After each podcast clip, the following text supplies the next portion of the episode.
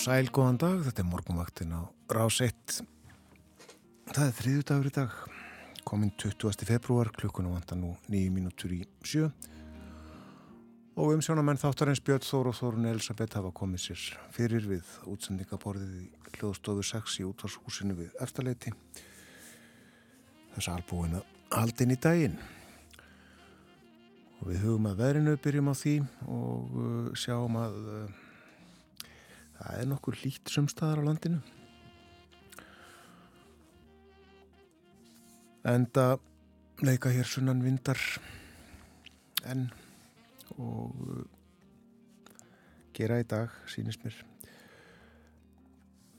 En uh, það var einstegs hitt í höfuborginni klukkan 6 og uh, ég er ekki frá því að hafi verið hreinlega að hagl um uh, tíma, stuttan tíma þegar við gengum hér inn í húsið.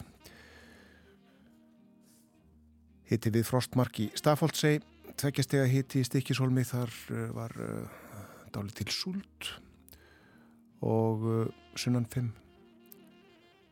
Tveggjastega hitti á Patrilsfyrði, 2 gráður líka í Búlingavík, tveggjastega hitti á Holmavík, hægur vindur á öllum þessum stöðum, þryggjastega hitti á Blönduósi, þrjár gráður líka við Söðunarsvita tekjast ég að hitti á Akureyri og á Húsavík.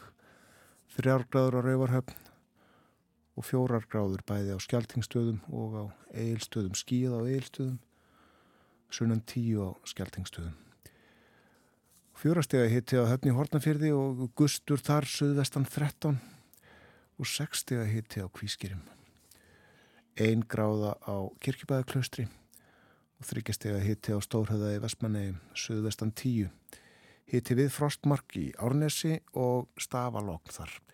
Og örlítið frost á Hálendinu, tveggja og þryggjastega frost, eitthvað svo leiðist þryggjastega frost á hverjaföllum. Og uh, þar var kaldast klukkan 6.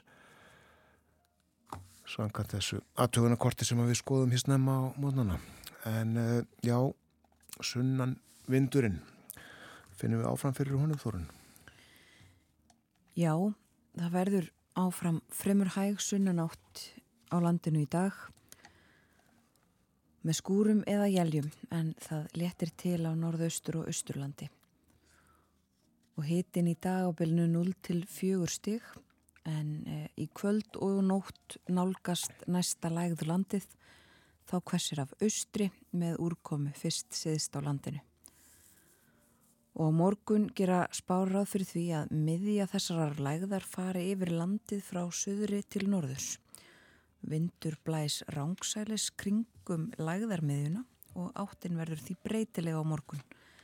Stinningskaldi nokkuð víða á morgun, 8 til 15 metrar á sekundu í kortunum. Og það má líka búast við úrkomu og í grófum dráttum, segir í huglengu viðfræðings, má búast við rigningu eða slittunar í ströndinni en meiri líkur á snjókomu til landsins. Og hitin á morgun í kringum frostmark en alltaf fimmstega hiti við söður og austurströndina. Það lægir svo annað kvöld og á fymtudag er útlitt fyrir að við verðum inn í lægðar miðjunni, segir í huglengunum. En lægðin verður orðin gömul og flatbotna og því útlitt fyrir rólegt veður um tíma. Síðdegis og fymtudag eru svo líkur á vaksandi norðanátt með ofankomu á norður helmingi landsins. Og þá verður vægt frost í kortunum. Flatbótnalegð. Já. Þetta er gott. Nú, uh, það er krabbi á flestum leiðum á höfuborgarsvæðinu, segir í skeitum frá vegagerðinni og uh, á Suðvesturlandi, hálka eða hálkublettir. Krabbi sumstaðar til dæmis bæði á helliseiði og í þrengslum. Það er snjóþekja á Mósfellsheiði og Krísuvíkuvegi og flughálka á Mýrunum, hálka eða hálkublettir víða á Vesturlandi, snjóþekja á Holtaverðiheiði og Bröttubrekku, krapi á Fróðurheiði og hálka eða hálkublettir á flestum leiðum á Östurlandi, hálka á flestum leiðum á Suðurlandi. Þetta eru þær upplýsingar sem að komnar eru. Nú, klukkunum vantar 5 minútur í sjö og það er klukkan sjö sem að heimilt verður að fara inn í Grindavík samkvæmt þessari ákvöðun lögurglustjórans á Suðunisum í gær. Og viðbúið að margt fólk, dágóður hópur allavega leggir leið sína í bæin í dag og mögulega margir komnir af stað og verða komnir til Grindavíkur réttu með upp úr sjö. En uh, fólk er uh, frjálst að fara í hýpiri sinn þar að segja að þau eru á örugum svæðum í bænum. Og uh, vonast til að atvinnustar sem ekki til líka farða staði einhverju mæli. Meiraði þetta á eftir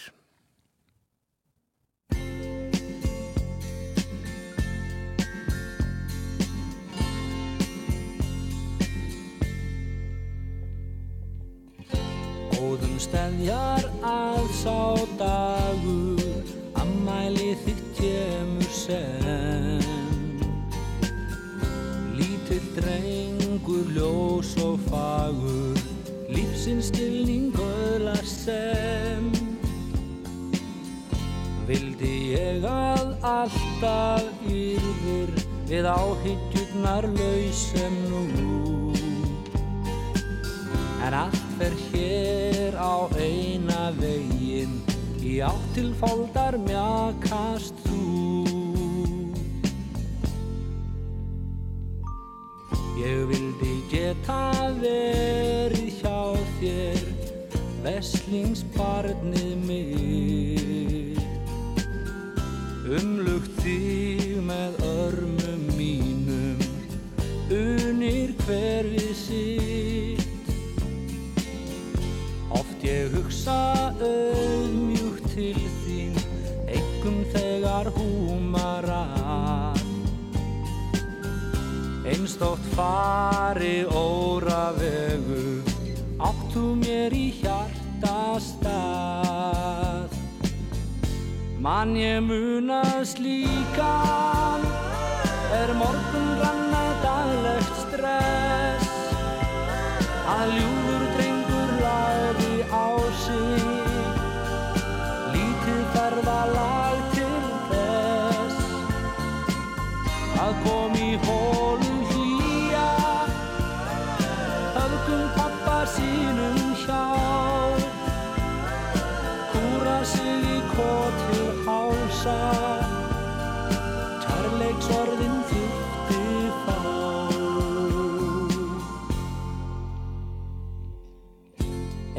þér til eftir breytni Alla betri menn en mig.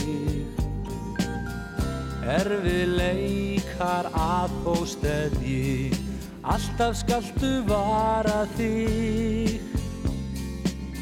Að færast ekki fang svo mikið Að festu þinnar brotni trið Allt þið góða í heimi haldi Í hönd á þér og með þér sé. Man ég munast líkan Er morgun rann með daglegt stress. Að ljúfur drengur lagði á sig Lítið ferðalag til þess. Að kom í hólu sínum hjá. Kúra sig í kotið hálsa. Kærleiksorðin þýtt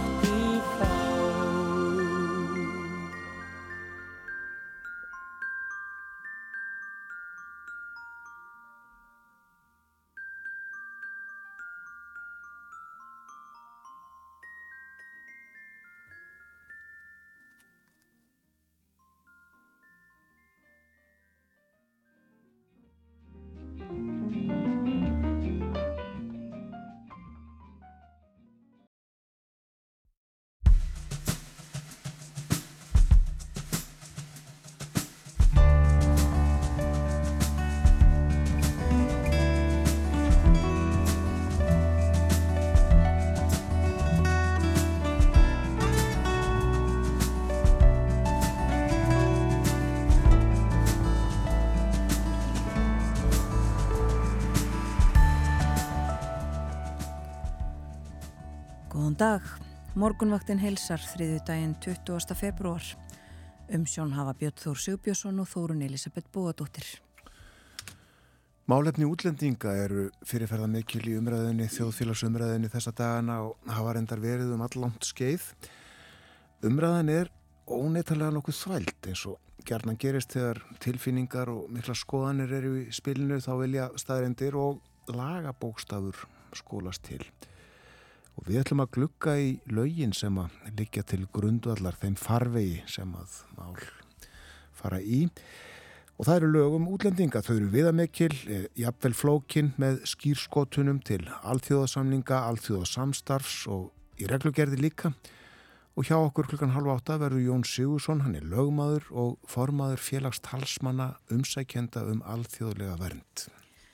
Eftir morgunfrettir tengjust við Birni Malmqvist frettamenni sem í dag er stattur í Kaupanhöfn. Hann er að koma sér fyrir í Íslenska sendiráðinu á Norðurbryggju og ætlar að spjalla við Átnáþór Sigursson sendiherra um lífið í Kaupanhöfn og samfélag Íslendinga í dönsku höfuborginni. Í síðasta hluta þáttarins ætlum við svo að fárétnast um starfsemi þjóðskrár. Stopnunin svo er ein af stopnunum ársins í vali eða kostningu sameikis stjættafélags í almanna þjónustu. Þarum og flest höfum við sjálfsagt einhverjar hugmyndur um það hvað þau hjá þjóðskrá gera en okkur býður í grun að verkefnin séu jáfnvel fleiri og fjölbreytari en margir ætla. Hildur Ragnars forstjóri verður hjá okkur klukkan hálf nýju. Það er hæg sunnanátt í vændum í dag á landinu öllu með skúrum eða jæljum en það letir til á norðaustur og austurlandi og hitin í dag á bylnu 0 til 4 stygg. Það kvessir af austri með úrkomu í kvöld og í nótt, fyrst siðst á landinu.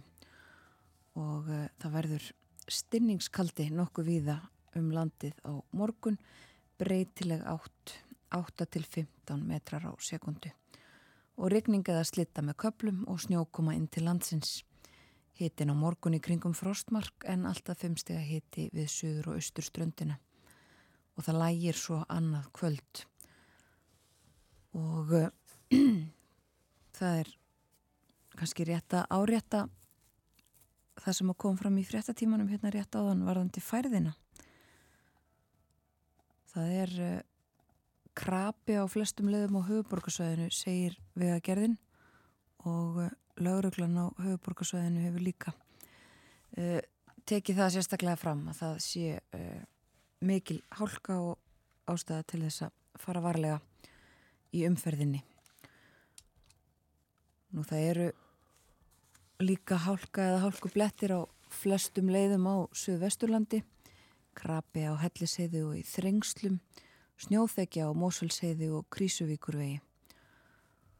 Flughálka er á Mýrum en eh, hálkaða hálkublettir víða á Vesturlandi, snjóþekja á Holtavörðuheiðu og Bröttubrekku en krapi á Fróðárheiði. Hálkaða hálkublettir á flestum leiðum á Norðurlandi en uh, flughálka á Þverárfjallvegi og Syklufyrði og snjóþekja á Öksnadalsheiði. Hálkaða hálkublettir sömu leiðis á flestum leiðum á Östurlandi, ófærtum Öksi og lokað á Breitalsheiði. Á nokkrum leiðum á Suðausturlandi eru hálkaða hálkublettir og flughálka á nokkrum útvegum og hálka á flestum leiðum á Suðurlandi. Og uh, það er hálka á uh, þeim vegum sem hægt er að fara um til þess að komast til Grindavíkur. Og uh, það er nú heimilt fyrir íbúa og fyrirtækja eigandur og starfsmenn í fyrirtækjum í Grindavík að fara þangað inn. Það var opnað þar fyrir 8 mínútum síðan. Já og uh, frá því segir ég mitt líka á fórsýðu morgunblæðsins í dag uh, Grindavík opnið á nýji dag. Og uh, farið yfir ákvörðun lauruglustjórans á söðunessum þessa efnis í gær. Og tiltekið að hann segir skýrt í tilmælum sínum að Grindavíkubær sé ekki staðu fyrir börn. Og svo er hér fjallaðum fundin sem framfór í lögadalsvall í gær þar sem að Grindvikingar fengu tækifæri til að spyrja bæjastjórnina spurninga og uh, vísa hér með alveg í orð Páls Valls Björnssonar Grindvikings og fyrirverandi þingmas við höfum ekki séð framanöðu síðan 10. november og uh, það ráðan við uh, fólki í bæjastjórnini og þessi fundur með bæjastjórnini var laungu orðin tímabær það var rólegt á fundinu til að byrja með en undir lokinn fór aðeins að hitna í kólunum og uh, kemur hér fram meðal annars að, gaggrín, að íbúar gaggrindu til dæmis ákvæði í þessu frumvarfi sem fram er komið um uppkaup á fastegnum ákvæðum forköpsréttin sem að, að á að gilda í tvö ár. En íbúar vilja rýmri tíma til að gera upp hugsin hvað endur komu í bæin varðar og telja þeir næra tímaraminn sem þeim er gefin telji fimm ár frekar en tvö. Og frumvarfið uh, er komið til meðferðar þingsins og uh, það er opið fyrir aðtöðasendir eða umsagnir og uh, þær hafa þegar borist æði margar. En uh, málefni eða mál sem að tengjast Grindavík einmitt á dagskrá á fundi hvað var það, efnags og uh, viðskiptarhendur alþingis í dag, uh, hann hefst uh, rétt upp úr nýju og þar verður bæði fjallaðum máli sem var þar tímabundin ekstra stuðning vegna hann farina í Grindavík og uh, svo líka uh, málið um kaup á íbúðahúsnaði í Grindavík og gestir koma fyrir nefndina. En uh, Morgonblæði segir líka frá því á fórsíðu að í gær þá var stemt að því að dónsmálar á þeirra kynnti í dag lagafrumvarp um breytingar á útlendingalögum. Frumvarpi var samþygt í ríkistjórn á förstu dag. Í gær var þó ekki ljóst hvort uh, af því yrði af þessari kynningu Það sem vinstri grænir eru saðir vilja fresta kynningunni um einn dag frá því sem vilji dónsmálaráþra er saður standa til. Málið viðkvæmt, segir hér, og umdelt, svo sem meðal annars má sjá að því að frumvarpsins var að engu getið í yfirliti um þau mál sem sögð voru á daskra ríkistjórnafundarinn síðastliðin förstu dag, enda þótt að hafi verið rætt á fundinum og afgreitt úr ríkistjórnum. Annars uh, hefst þingfundur hálf tvö í dag og uh, á honum á dagskrá uh, framhald mála frá því í gær til dæmis frumvarfsins um breytingar á lögreglulögum sem að dónsmálar á þeirra mælti fyrir á þinginu í gær framhald fyrstu umræðu á dagskrá í dag og svo fer fram fyrir umræða um uh, einhverjar þingsálutinatillagur og uh, þingmannafrumvarp, fyrsta umræða um uh, þingmannafrumvarp og líka umræða um mat á endurskoðun laga um mentasjóð námsmanna. En allt byrjir þetta á störjum þingsins. Nú, mér langar að segja frá uh, frétt sem að uh, Östurfrétt byrti í gær en uh, þannig er að á sunnudag þá kom færeska uppsjáa við skipið Kristján í Grótinum til Hafnar í Eskifyrði með eh, kolmunafarm 3653 tonn af kolmuna og er þetta mesti uppsjáar veiði afli sem að landa þegar verið hérlendis og mögulega stærsti kolmuna afli sem að landa þegar verið í sögunni. Eskja sannsagt keipti aflan og uh, þar á bæ eru upplýsingar um uh, landanir í Danmörku á síðustu árum sem fóru yfir 3500 tonn.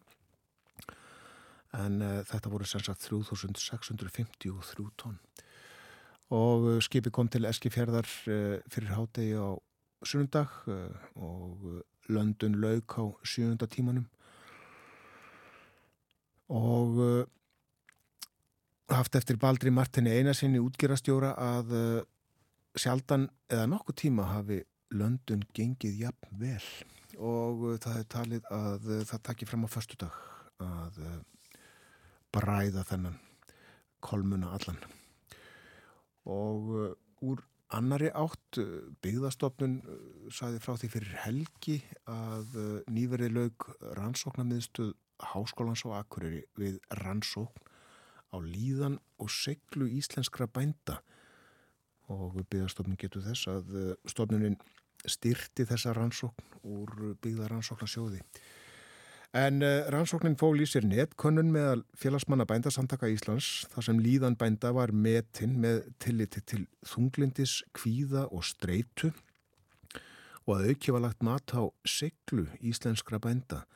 En hún hefur ekki verið skoðið sérstaklega áður og höfundur þessarar rannsóknar er Bára Elisabeth Dagstóttir og niðurstöður netkonnar meðalbænda voru borna saman við hlutagagna úr rannsókninni Helsa og líðan Íslandinga frá 2022 ennbætti landlækni stendur fyrir henni gerir á 5 ára fresti.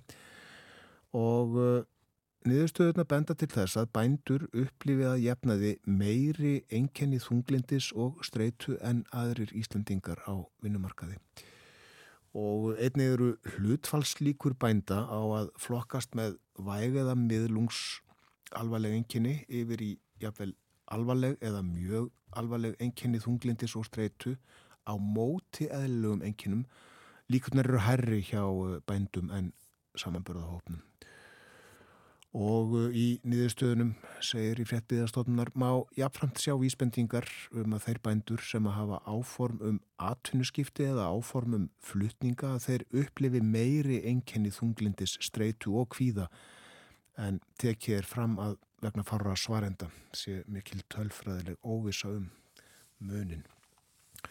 En uh, það má finna nánari upplýsingar á uh, eh, viðbyðastofnar um uh, þessa rannsókn báru Elisabetar Dagsdóttur á líðan og seglubænda, íslenskra bænda. Lítum þá aðeins út í heim og það er fjallað viða um Alexei Navalny stjórnar anstæðingin rúsneska sem að uh, lést á förstu dag það er gert á mörgum fórsýðum um, og ekki hans Júlia uh, hún ávarpaði stöðningsmenn í gær, uh, nýju mínúta langt ávarpaða svo sem byrtist á samfélagsmiðlum Navalnys og tók þar þá afstöðu og, og greindi frá því að hún hyggist halda áfram baróttu eiginmannsins um, sagðist vilja uh, búa í, uh, í uh, frjálsu Rúslandi og, og vinna að því og uh, bað stuðningsmenn eiginmannsins um að uh, um að steyðja sig í því. Það væri mikilvægt núna hún myndi halda áfram þessari baróttu. Hún sagði líka að um, Pútín, rúslandsfórseti, hafi notað Novichok, þetta eitur sem að, uh, við konumst við, til þess að uh, myrða einmann hennar og uh, sagaði rúsnesk stjórnvöld um, um þetta og það að, að halda líki hans frá fjölskyldunni. Það er búið að greina fá því líka í erlendum fjölmjölum að, að uh, það verði ekki afhengt uh, fyrir eftir tvær vikur það sé verið að rannsaka döða hans frekar. Og uh, engin staðfesting borist á því hvar nákvæmlega hann er niður komin eða jarneskar leifar hans e, og þetta er forsýðöfni á bæði bandariskum og breskum fjölmjölum nú í dag. Líka fjallaðum e, eh, Allandsafsbandalæðið á forsýðun á Washington Post í bandaríkunum og, og e, sagt að önnur ríki Allandsafsbandalagsins hafi miklar áhyggjur af því hvað gerist ef að Donald Trump verður kjörin fórseti bandaríkjana á nýjanleik. Og sagt frá því að þegar að Trump hafi búið sér undir að eh, um, halda ræðu á Allandsafspandalags fundi árið 2018 þá hafi hans eigin ráðgjafar ekki vitað hvort að hann myndi um, tilkynna í ræðunni að hann ætlaði bara hreinlega að draga bandaríkinn þaðan út eða ekki en hafi grátt beðan um að uh, gera ekkert slíkt og hann auðvitaði svo hlustundur þekkja gerði það ekki en þessi mál mikið til umræðu undarfarið eftir að e, Trump sagði að hann myndi uh, ráðleggja rússum að gera það sem þeim síndist við þau ríki innan NATO sem að ekki hafa uppfyllt um, viðmið sambandsins um uh, fjárhæðir sem að varið er í varnamál.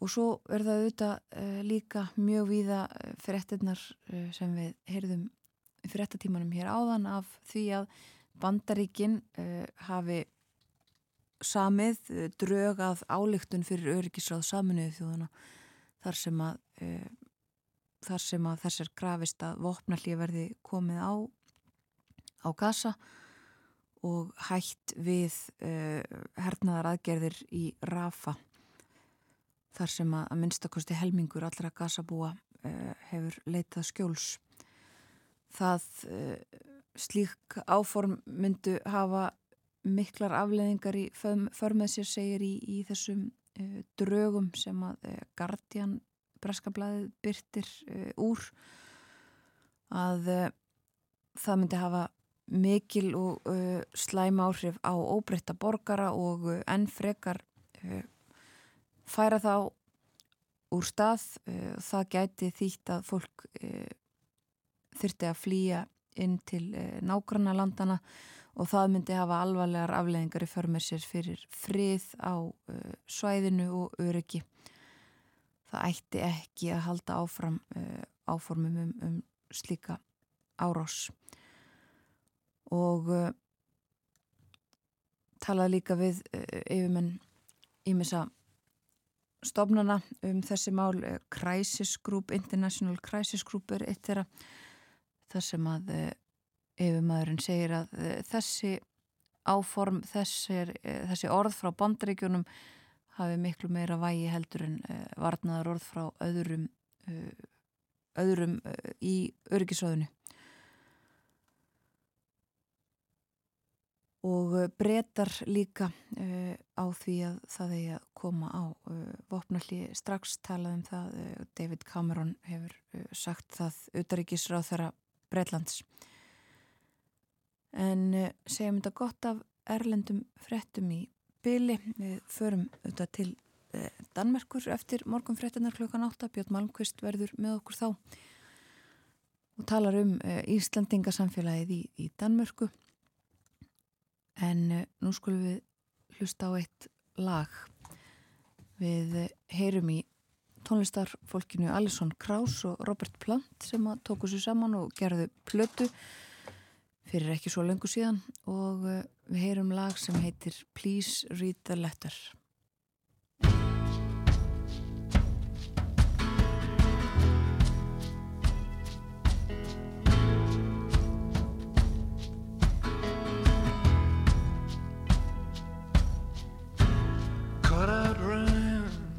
just a little too much to hide.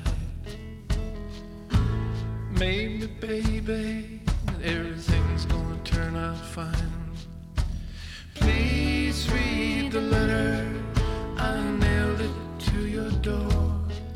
It's crazy how it all turned out. We needed so much more.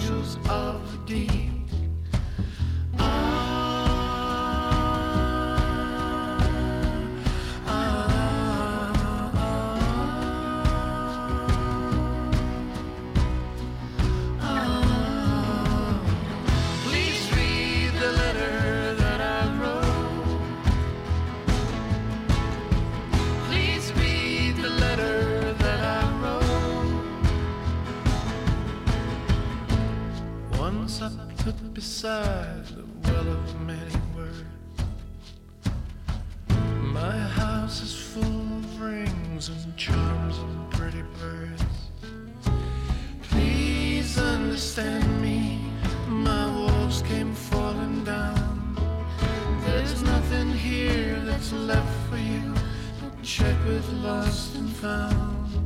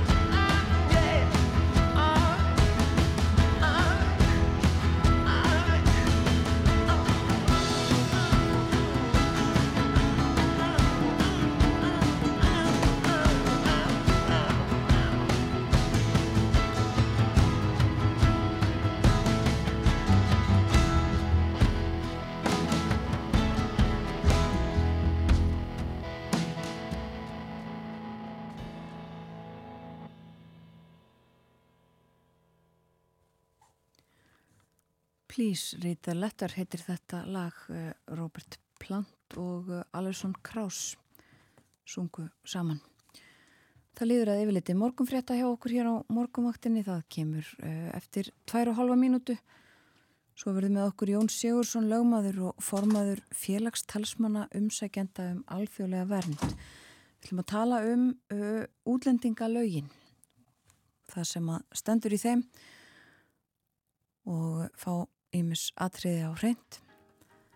Svo verður með okkur Björn Malmqvist frettamæður. Hann er í Kaupmannahöfn og eh, er að koma sér fyrir í sendiráði Íslands í Kaupmannahöfn og Norðurbryggju. Allar að ræða við Átnáþór Sigursson sendiherra og í síðasta hluta þáttarins verður með okkur Hildur Ragnars, forstjóri þjóðskrár.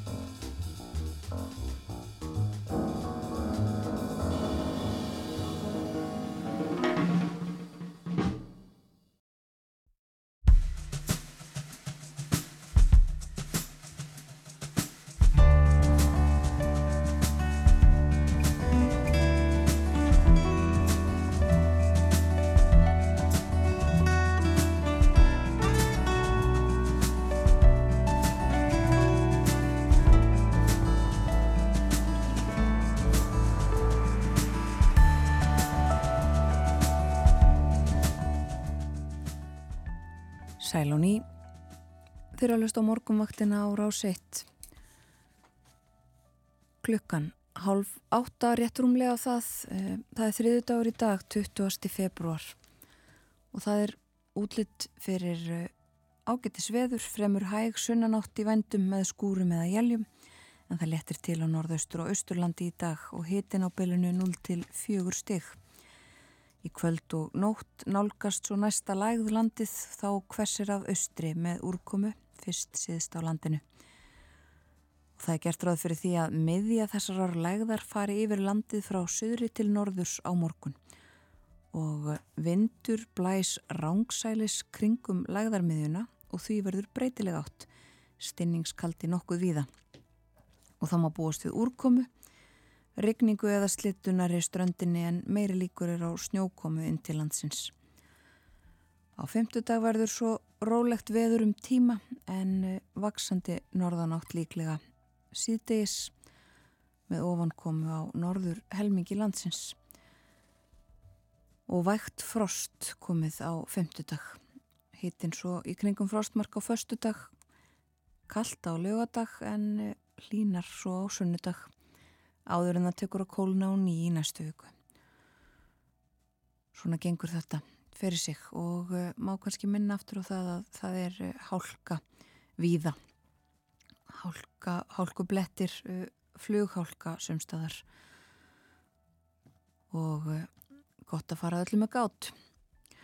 Við minnum á það að hér á eftir verður Björn Malmqvist með okkur, Íslendingasamfélagið í Danmörku og kannski sérstaklega Kaupmannahöfn verður til umfyllunar þegar hann sest niður með Átnáþór Sigurssoni sendiherra í Danmörku og uh, það er eins og hlustundur þekkja sem að heyrðu í okkur í gær, uh, þá höfðu þeir skipti á dögum þessa vikuna Artúr Björgvin Bóllarsson og Björn Malmqvist, uh, Artúr Björgvin með Berlínarspjall í gær. En í síðasta hluta þáttarins þá verðum við okkur Hildur Ragnars. Hún er fórstjóri þjóðskrár sem var meðal stopnana ársins í fyrra. Við ætlum að forvitnast um þjóðskrá í síðasta hluta þáttarins. En nú ætlum við að fjalla um málefni útlendinga, flóttamanna og laugin sem um máluflokkin gilda í samfélagsumræðinni allri örlar stundum á miskilningi á gildandi lögum og það má kannski segja að það sé eðlilegt að, fólk, almenningur standi ekki klára á lagabókstafnum. Þarna undir eru líka alþjóðasamningar og alþjóðasamstarf. En við ætlum að reyna átt okkur á breyðu línunum hvaða aðstæður þurfa að vera uppi til að fólk geti komið hinga dvali hér og notið alþjóðlegrar verndar Og hjá okkur er Jón Sigursson lögmaður, hann er formaður FTA, það er félag talsmanna umsækjenda um alþjóðlega vernd. Velkomin á morgunvaktina. Takk fyrir það.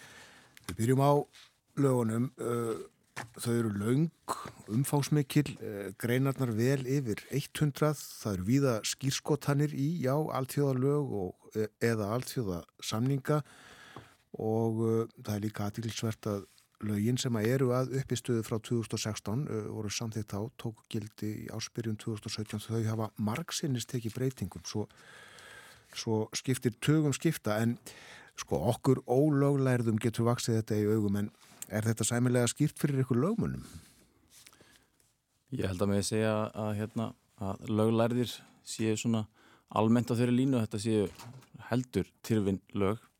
Uh, auðvitað kannski á það við almyndun lög þegar, þegar, þegar almennu borgari les lögin þá kannski er erfitt að fá fullanskilning á, á hlutunum en, en hérna það er margir lögmenn komið til mín og, og, og rættum þessi lög og, og svona sammála um það að séu ekki sérlega skýr. Nei, en það lítur að vera uh, markmið að hafa lögin alltaf sem skýrust, er það ekki?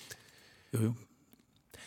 En uh, þá að þessari stóru spurningu og mikla álita efni, sko, Jón, hvaða aðstæður þurfa að vera uppi til að fólk geti komið hingað og fengið hér alþjóðlega vernd eins og það er orðað?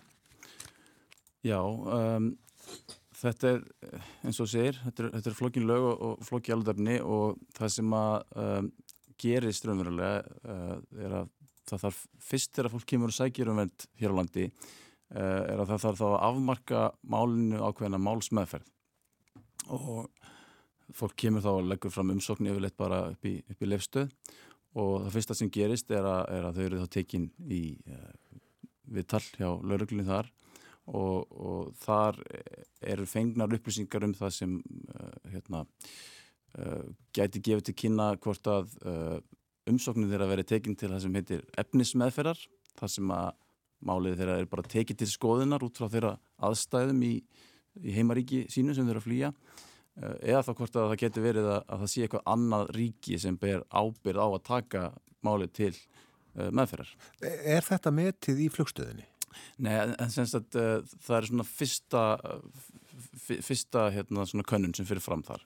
Það eru kannan til dæmis hvort að fólk er með dvalarlefi í öðrum ríkjum uh, eða vend í, í, í hérna, til dæmis í Európu uh, og hérna en, en það er samt bara svona fyrsta skrefið og, og svo eftir því sem kemur fram þar í, í þegar fólk leggur fram þessa svo kvöldu hælisbeðni er að það er svona mismunandi hversu hrattmálin eru þá unnin. Af því að ef að, uh, ef að til dæmis diblinarreglugerðin á við þá þarf að passa rosa vel upp á tímafresti af því að fólk getur auðlast aukin rétt hér á landi ef að meiri tími líður á þess að það hefur verið tekin ákvörðin í málið þeirra.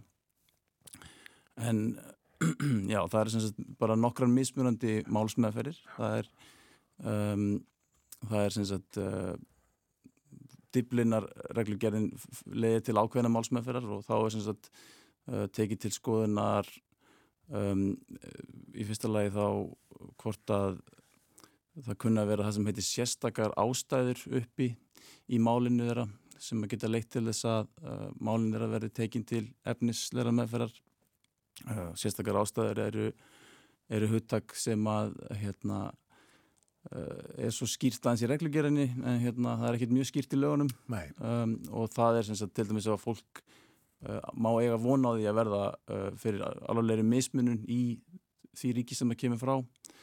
Um, eða þá að má eiga vona á því að verða í, í verulega síri stöðu heldur en almenningur í því ríki.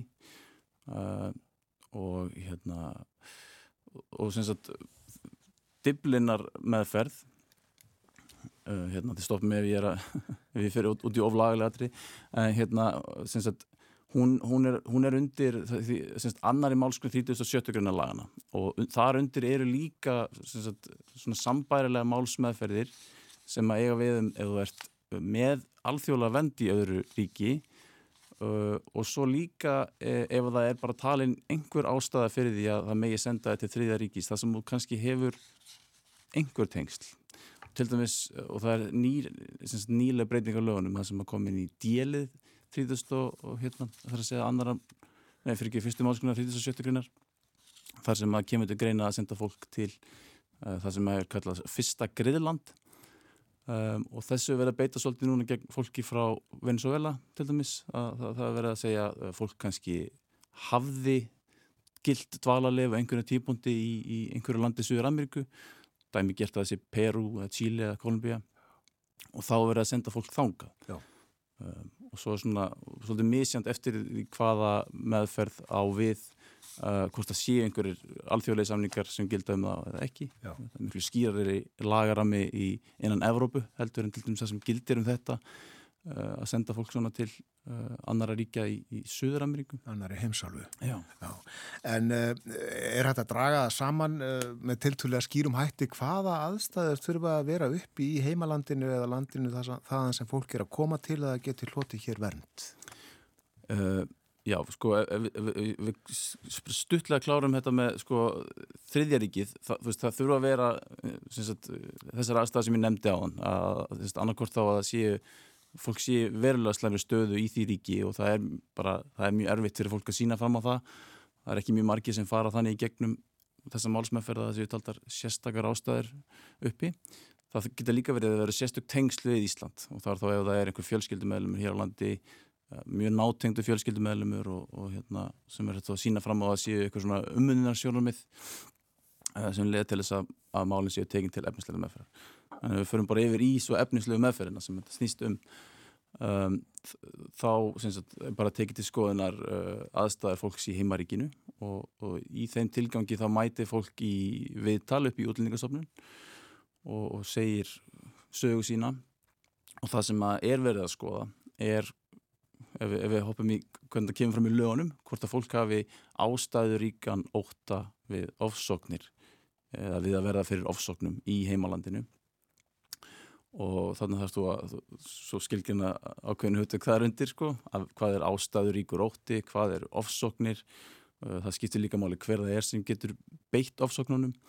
Um, en sem sagt uh, og svo er það skilgjönd líka sem sagt uh, það, það eru ákveðnir hópar sem að, sem að sem sagt, sa- samkvæmt uh, lögunum sem byggja á flottamanna samningi samvinna þjóðana uh, sem sagt uh, ákveðnir hópar sem falla þar undir sem eru líklegri til þess að verða fyrir ofsóknum, þetta er þá til dæmis að grundu til trúar, bragða eða, eða grundu til stjórnmálaskoðana og fleiri atriði sem eru þar uh, og það er þe- þetta sem við vart að sína fram á að þú hafir ástæðu ríkan ótta við að verða fyrir ofsóknum og þá þarfst þú bara að segja sögunuðina hjá útlýtingastofnun og best er að þú getur lagt fram einhver gögn til stöðningsumsókninni uh, sem er fólki samt oft mjög erfitt uh, fólk er oft í þeirri stöðu að vera að flýja frá landsvæðin þar sem það er beinilins hættulegt að taka með sér gögn sem getur sagt eitthvað slæmt um eitthvað, eitthvað ríki sko. Um, og uh, en að sína fram á veist, ásóknir geta til dæmis verið bara einhvers konar alvarleg mannreitindabrót uh, það er ekkit endilega alveg skýrt hvað ásóknir eru en, en þú getur sínt fram á að þú óttist að verða fyrir og þessi raunhæft að þú óttist að verða fyrir alvarleg mannreitindabrótum Já. í heimaríkinni Og þetta lítur að vera svolítið erfitt fyrir fólk að sanna og uh, þarlegandi uh, lítur þetta að vera þá matsatriði hverju sinni fyrir starfsfólk útlendingastofnar. Já, uh, og það fellir þeirra hluta að meta og þessi atrið sem ég, uh, sem ég nefndi hérna á þau, þau hafa að gera með það sem heitir alþjóðlega vend samkvæmt fyrstu málskrein 37. grunar á grundulli ástæður ríkra hérna, ástæðriks 8 svo er það, svo er það hitt sko, sem er viðbúta vendin og það er eh, eins og fólk kannski kannast núna við að, að hefur verið beitt í, í, í hérna, málum fólk sem kemur frá Venezuela, það var beitt en er ekki lengur beitt. Uh, þar snýst þetta ekki jafn mikið um að sanna að þú hafi verið orðið fyrir einhverjum eða, að þú hafi orðið fyrir eða munir eiga líkur að semst, verða fyrir ásóknum vegna einhver sem hefur með þína persónu að gera sko, heldur öllu heldur bara að þú sért að flýja eitthvað ástand það sem mannréttindamál sem mannréttindin eru bara svo þverbrotin, það getur bara verið vegna stríðsátaka. Uh, það er kannski algengasta þessu beitt þannig eins og til dæmis fólk sem kemur hingað og fær efnislega meðferð frá Sýrlandi og Palestínu, þau fá viðbóta vend það er ekki algengt að þessu beitt gagvart sem sagt fólki sem kemur frá löndum eins og Venezuela það sem að mannréttindi eru vissulega þverbrotin og fólk á í raunverulegri hættu á að verða fyrir einhverjum slæmi mannréttindabrotum algjörlega óháði einhverjum svona efnahæslum hérna, aðstæðum. Uh, en já hérna. En eins og, jú, eins og segir, og þetta er vissulega matskent og, og hérna og það fellur í hlut útlendingastofnunar að meta það og, svo ef að fólk fær sinnum þá, þá hefur það kæru rétt til kæra nefndarinnar Þetta getur allt uh, tekið ákvæðan tíma. Já, já og, og hérna er, og það stendur nýfurinn í kunni heyrðis manni á umræðinni. Það takir allt á langan tíma. einmitt þetta, En hvaða uh, rétt hefur fólk hér uh, meðan beðið er niðurstuðu? í, já, fólk uh, á rétt á að fá útluta húsnæði og, og, og fjárhagslegum styrk að fara aðgang að uh, helbreyðskerfinu og, og, og börn fá aðgang að mentakerfinu um, þannig að þau fá svona aðstó, aðgang að allum þessum helstu grunnstóðum samfélagsins. Uh, þau fá ekki rétt á einhvern svona, þú veist, þau eru ekki með sama rétt til heilbriðistjónustu og, og hérna, íslenski ríksborgarar eða, eða dvalarleiðsáar en ekki með þeirra eru til umsóknar. En það er, það er, þau hafa samt sem það er rétt á að, á að hérna, fá aðstóð eða það er eitthvað sem að þarf að skoða. Um, Það uh, hefur komið fram hérna og, og já, ég sagði það að, að uh, margt í þessum lögum ræðist af uh, alþjóðasamstarfi og alþjóðasamningum það er vísað í flóttamannasamningi frá 1951 og, og samningum réttastöðu ríkisfangslausra einstaklinga, hann er frá 1954 svo er Palermo samningurinn nefndur, uh, svo hefur við Dyblunarsamstarfið sem við töluðum um áðan og, og ennfremur þá gildi sérstatt fyrirkomulag fyrir EES-borgara Mhm. komið til Íslands. Eh, svona í ljósi þessa alls er mikið svigrum til þess að snýða eh, Íslandi sérstakar lögjöf um álflokkin eða, eða helgast þetta eh, mjög allavega í gróðum dráttum af öllum þessum alþjóðasamningum.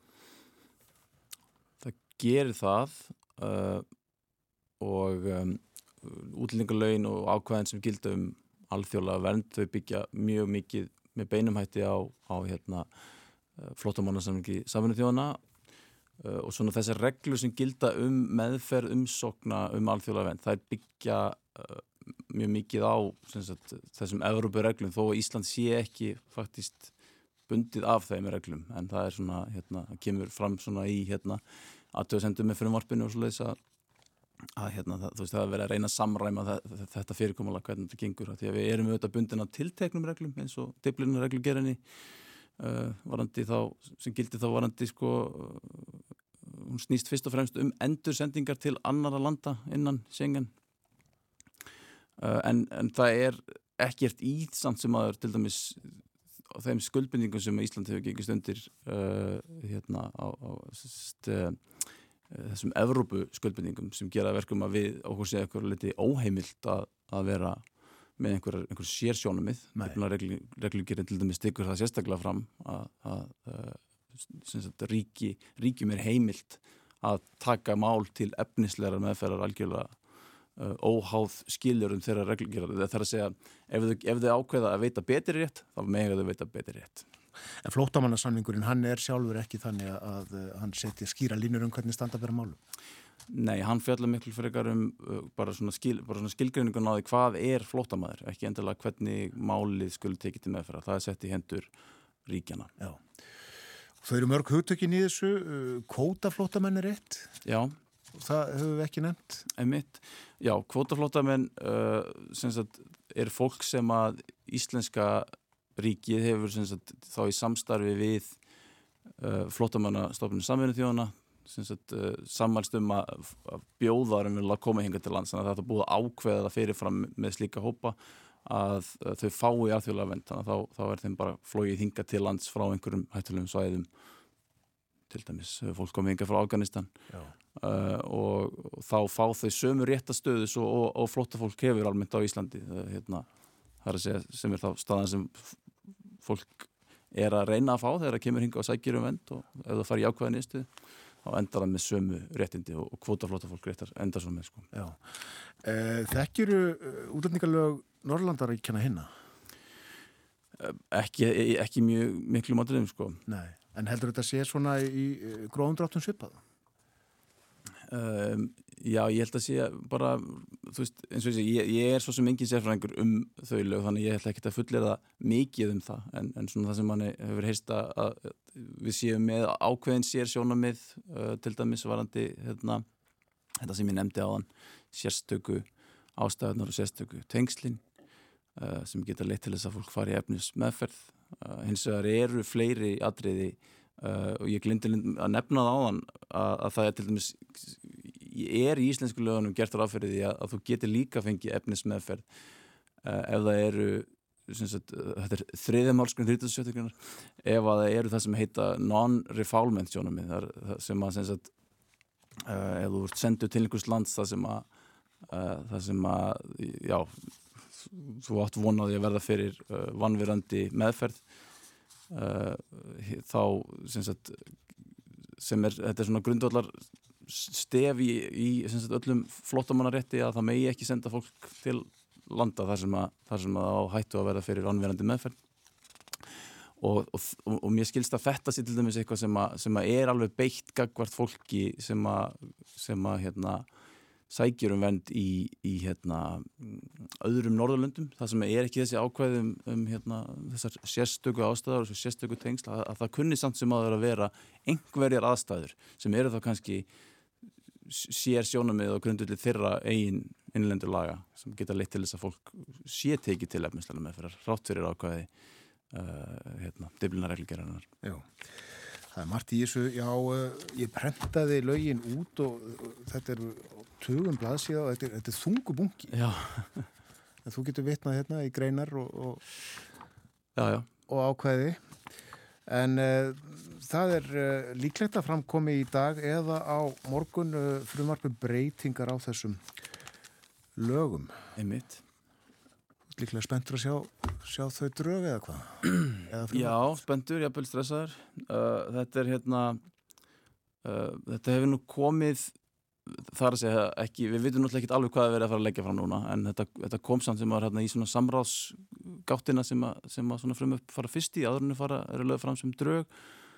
Og það er til dæmis vonaði að það sé verið að taka út þetta ákvæði sem að ég er búin að tala svolítið um hérna annar, annara málskunar 37 grunna það var bara að taka það algjörlega út fyrir bóksið að fólk geti öðlast uh, alþjóðlega vend hér á landi ef það er með alþjóðlega vend í, í öðru ríki uh, og það er verið að hérna, líka verið að taka út svona reglur sem að tryggja fólki efninslega meðferð ef ákveðnir tímafrestir renn út. Það verið að taka þetta úr lögunum Já. svo er það þessi hérna, talsmanna þjónusta sem er það sem við lögfræðingar og lögmenn veitum fólki, það er verið að allavega samkvæmt því sem var þarna til umsagnar, þá var verið að draga verulega úr því. Þetta er réttindi sem fólk hefur á meðan að málun eru hjá útlýningastofnun, við mætum með við viðtöl og við skrifum hérna, lögfræðilega greinagerðir og við kærum og við, við erum algjörlega þeirra milliliður gagvart stjórnvöldum uh, í tengslu við hælspenna þeirra en það er verið að tala um að, að hérna, taka þess, þess, þessa þjónustu bara burt á fyrsta stjórnsýslustíði þegar málið til meðferðar hjá útlýningastofnun. Og fólk bara gjör svo vel að berga sér sjálf þá? Já þá, já, þá er þetta bara í höndunum á útlýningastofnunar og þau mæta það bara við töl og, og hérna útlýningastofnun kemst að einhver ákvörðun eða fær þá sinjun þá fær fólk réttin. Já. Svona er þetta sumstaðar anstaðar. Já. Þetta er, þetta er algengt að talsmanna hlutverki sé svona eðlendis eða þetta hlutverk að veita lögfræðast og Þannig að aðstofan hefur verið meiri hér heldur en við annar staðar. Uh, já, ég held að mig alveg segja það. Já. Svona var þetta í draugunum þessi breyting sem á nefnu við sjáum hvort að þetta hafi ratað inn í, inn í hendanlega frumar. En uh, umræðan hefur uh, verið á þann veg að, að það eigi að, uh, að fækka fólki sem að hinga kemur og leitar að, að hæli er það ekki. Jú, ég held að sé alveg hvort að segja umræðan hafi verið þannig. Við sjáum hvernig þetta fer. Þakkaði fyrir að vera með okkur á morgunvaktinni og, og uh, útskýra lögin eða, eða svona, gera allugu að því. Já, vonandi var þetta ekki of lagalegt hjá mér. Svona, svona er þetta oft uh, þegar talað er um lög. Jón Sigursson er lögumæður og, og formaður félags talsmanna umsækjenda um alþjóðlega vernd. Takkaði fyrir rættur. Takk hjá Og framöndan eru fréttinnar hjá okkur. Það er komið eftir 5 minútur rétt rúmar á slæginu átta.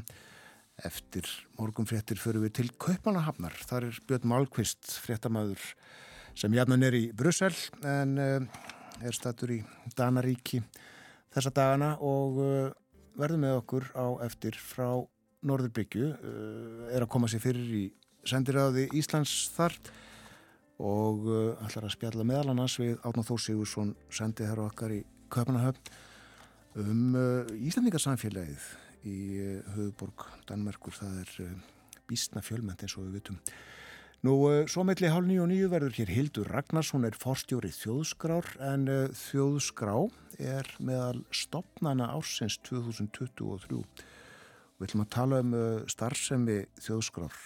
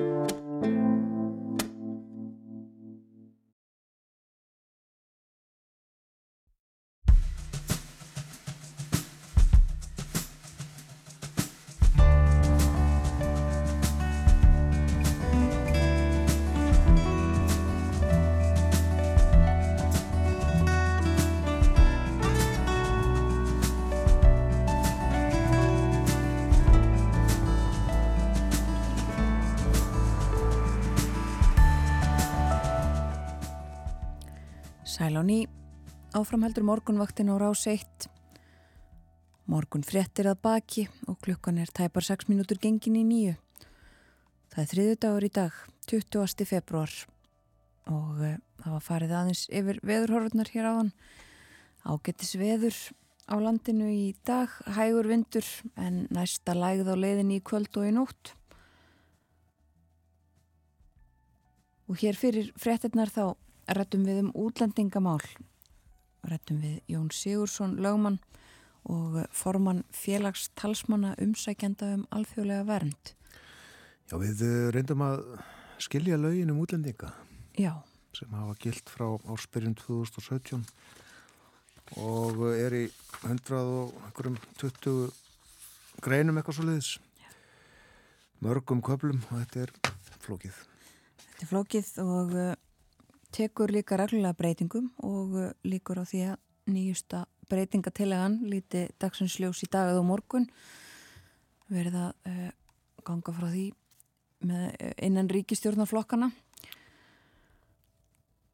og uh, hann fór yfir þetta hvernig uh, þessi mál standa hvaða aðstæður þurfa að vera uppi til þess að fólk er rétt á að fá hér vernd. Og það er hægt að skoða þetta og alls konar upplýsingar raunar um uh, verndarmál á uh, VF stjórnaráðsins. Það er til dæmis sagt frá því að um, í fyrra þá komu lang flestir hinga til lands frá Úkrænu og þannig var það líka árið 2022. Það komu færri í fyrra samkvæmt þessum tölum uh, heldur en 2022 sem var metár hægt að sjá alls konar uh, upplýsingar um þetta á vefnum. En uh, nú erum við komin í samband við uh, Björn Malmqvist Frettamann sem að eðulega er með okkur á mánudugum og þá frá Brussel en hann er í Kaupmannahöfn þessa dagana. Góðan dag Björn Malmqvist. Góðan daginn, góðan daginn frá Kaupmannahöfn. Góðan daginn Kaupmannahöfn. Við ætlum að heyra aðeins í Átnáþór Sigur sinni sendiherra Íslands í Danmörku eftir stuttastund en við ætlum aðeins að spyrja hvað er held í fréttum í Danmörku svona fyrst þú ert þar. Já sko, það sem að hefur svolítið verið að, að, að tröllriðja fréttum hér undanfarna daga og reyndar vikur er þessi stóri skandal með, með hérna, fyrirtæki í Randers á Östur Jólandi. Þetta, þetta fyrirtæki heitir Nordic Waste. Þetta er sem sagt fyrirtæki í enga eigu sem stendur í endurvinnslu og reynsun á menguðum í jarðvegi, hefur tekið til dæmis á móti jarðvegi frá, frá mjög mörgum minkabúum í, í, í Danmarku. Þetta fyrirtæki var og er með sest, stort vinslusvæði í nákvæmni lítils bæjar sem er suður af Randers. Þessi bæjar heitir Ölst, þannig sem sagt norður af Árósum og þar var búið að móka upp og sagt, móka saman einhverjum, einhverjum 75 metra hári rísastóri hrúu af þessum mengaða jarðbegi og svo gerist það núna í desember að það voru einhverjar miljónir tonna, ég hef lesið frettir sem að voru svona hljóðu upp á svona þrjár til 6 miljónir tonna af þessum mengaða jarfvegi þau þessi, fara á hreyfingu í rauninni. Það verður svona hægfara framskrið eða skriða og, ástæðan sagði fyrirtæki vera að það voru mikla regningar í, í haust og í vetur. Uh, og það er hérna undirlægi sko er svona svolítið leirkjent sko þannig að það þetta, svona, svona fór allt saman einhvern veginn á flott, vísindamenn telja núna að efnið sé að skrýða fram um alltaf 40 cm á klukkustund. Það er svona eins og hægfara raun sem að Íslandika kannast við og, og þessi skriða, hún geti mögulega náð semst til bæjarins Ölst og, og gert hann óbyggilegan. Ég las í einnu fréttu um daginn að, að fólk þar hefur verið að fá bara áfallahjálp sko.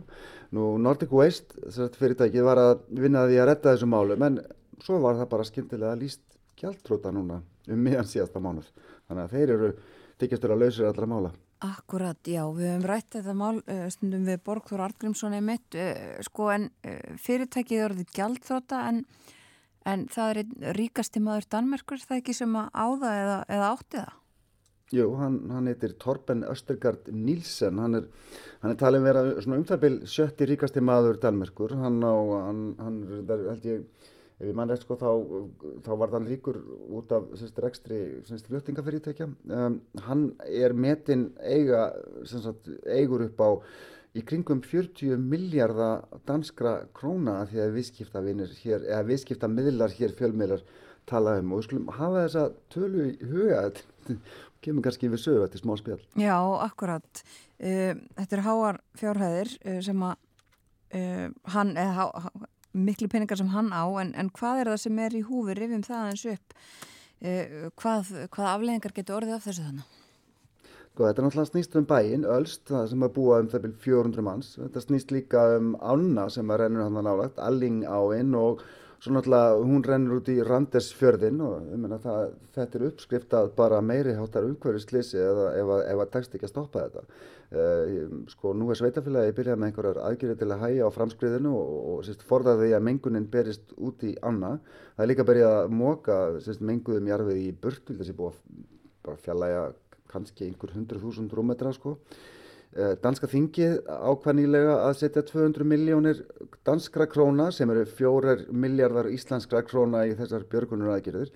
Þannig að kostnæðurinn af öllu þessu, fyrst að Nordic Waste er náttúrulega orðið sko kjaldróta, þá lendir kostnæðurinn líklega á dönskum skattgreðendum. Stjórnvöld hafa sjálfsögðu búið að ítalega rannsókn bæði á Nordic Waste og líka á sveitafélaginu Randers sem, að, sem að er náttúrulega, ég sagt að átti, átti þetta sko sinna eftirliti með þessari starfsemi. Um, ég var að skoða skýslu um þetta sem er skotið á að heildar kostnæði við að hreinsa upp eftir allt þetta, eftir Nordic Waste hann gæti orðið meir en 2 miljardar danskra króna sem eru litlir 40 miljardar íslenskra króna. Og þá komum við aftur að heildar eigum eiganda Nordic Waste hann á 40 miljardar danskra króna það því að talið er. Einmitt. og þetta heldur áfram þetta mál eh, eitthvað annað markvert sem við viljum nefna frá Danmörku þessa dagana kannski ekki innanlands en sko Mette Fredriksson fórsettisáþræði Danmarkun hún var á öryggisráðstefnun í München um helgina uh, þar sem voru mjög margir svona leitur og svona evróski stjórnmálamenn Bjarni Bendit, svona auðverkismór sem stráð þar að meðal. Hún var ansi beinskeitt á þessari ráðstefnu og, og sagði hreint út að Európaríkin hefði ekki gert nándar nærri nógu mikið í að styðja Úkrænu og drátt verið fögur fyrirreitt Mette sagði til dæmis að Danir hefði einfallega gefið Úkrænumennum allar þær stórskotalegisbissu sem að væri til í Danmarkum þegar það var líka verið í eh, forgöngu um að, að útviða Úkrænu hér orustu þóttur F-16 og, og hafa staðið fyrir þjálfun flugmanna. Allt þetta er semst samstarf dana við, við hollendinga og norðmenn. Metti var semst mjög harðorð á þessari ráðstöfnum helgina og ég held svona að hún hafi verið, verið að tala inn í vaksandi vitund ráðamanna í Evrópu um að, um að þeir hafi bara einfallega ekki gert náðu mikið til þessa. Mm, já. Það var tekið eftir því líka Júlía Navalnja, uh, ekki að Alexei Navalny kom á þessar ástefnu í munn hér.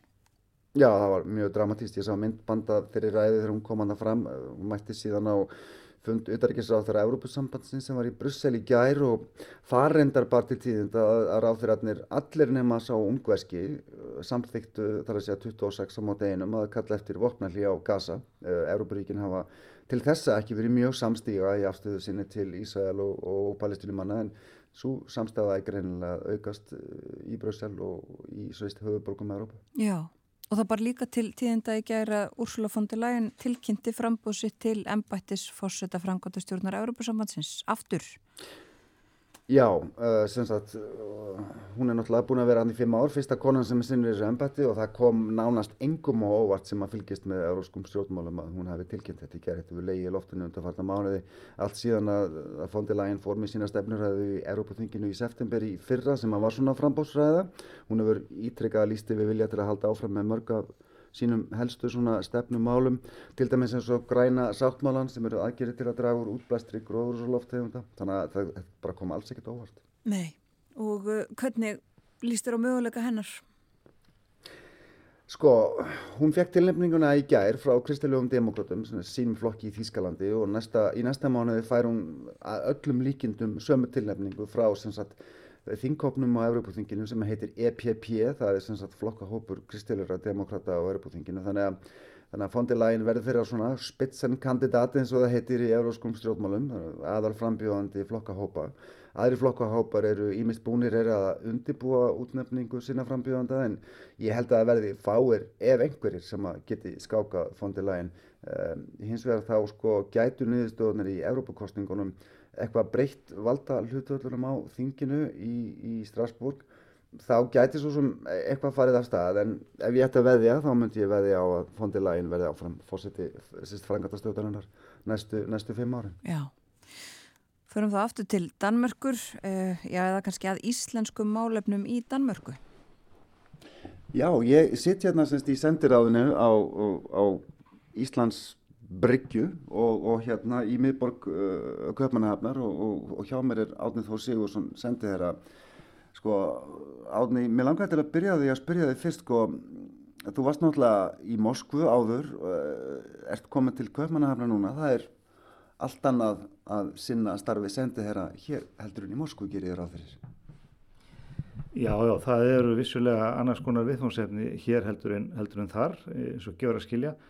Uh, það má segja að starfsemi sendir ás hér í, í, í Köpmann og höfn taki svolítið mið af kannski tveimur þáttum, annars vegar þessari aldalöngu sögulegu tengingum mill Íslands og, og, og Danmörkur, bæði pólitíst, menningarlega, viðskiptarlega mm. og hins vegar af þeirri staðrind að, að hér búa fjölmarkir íslendingar, reyndar er, er Danmörk fjölmennasta samfélag íslendinga utan Íslands þannig að, starfsemi sendir á þessins hún, hún helgast mikið af þessum þáttum. Ertu með, getur þú skotið á tölu stærð þessa, þessa íslendingar samfélags hér?